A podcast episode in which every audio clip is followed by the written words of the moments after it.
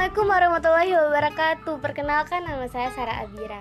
Di sini saya akan menjelaskan tentang apa saja sih makanan lokal untuk menangani masalah gizi pada bayi atau balita dan ibu hamil.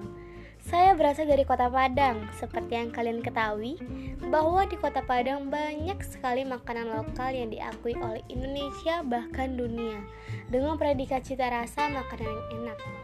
Namun, rasa enak saja tidak cukup, diperlukan juga komposisi gizi yang baik. Saya akan menjelaskan tentang makanan rendang. Rendang merupakan makanan favorit hampir seluruh warga Indonesia bahkan dunia. Rendang ini ada dua, yaitu ada rendang manis dan ada rendang pedas. Tergantung makanan ini disajikan untuk siapa. Nah, karena saya ingin menyajikan makanan ini untuk ibu hamil, maka saya merekomendasikan rendang hati sapi. Rendang hati sapi ini tentunya terbuat dari hati sapi. Mengapa saya merekomendasikan hati sapi untuk ibu hamil? Karena hati sapi mengandung zat besi yang tinggi. Zat besi ini bermanfaat untuk menghindari anemia pada masa kehamilan. Rendang hati sapi ini tentunya terbuat dari hati sapi dan diberikan tambahan seperti santan dan rempah-rempahan. Selanjutnya, tergantung si ibu hamil mau rasa pedas maka tinggal tambahkan cabai atau manis maka cabenya bisa di skip. Perlu diperhatikan juga bahwa cabai tidak dianjurkan dikonsumsi dalam jumlah yang banyak karena dikhawatirkan akan menyebabkan sembelit. Oke, selanjutnya kita ke makanan lokal untuk bayi atau balita. Untuk makanan bayi atau balita, saya sarankan yang pertama kali diperhatikan adalah usia si bayi. Harus pada usia 6 bulan ke atas ya bun.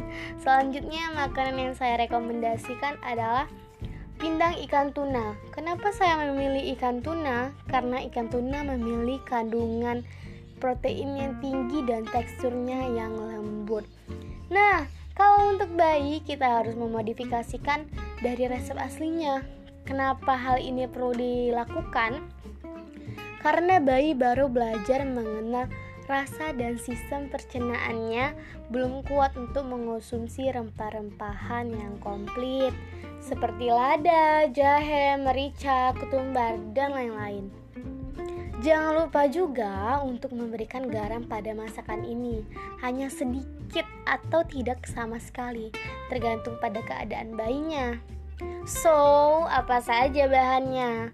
Yang kita perlu lakukan hanya bawang putih, bawang merah, ikan tuna, dan air.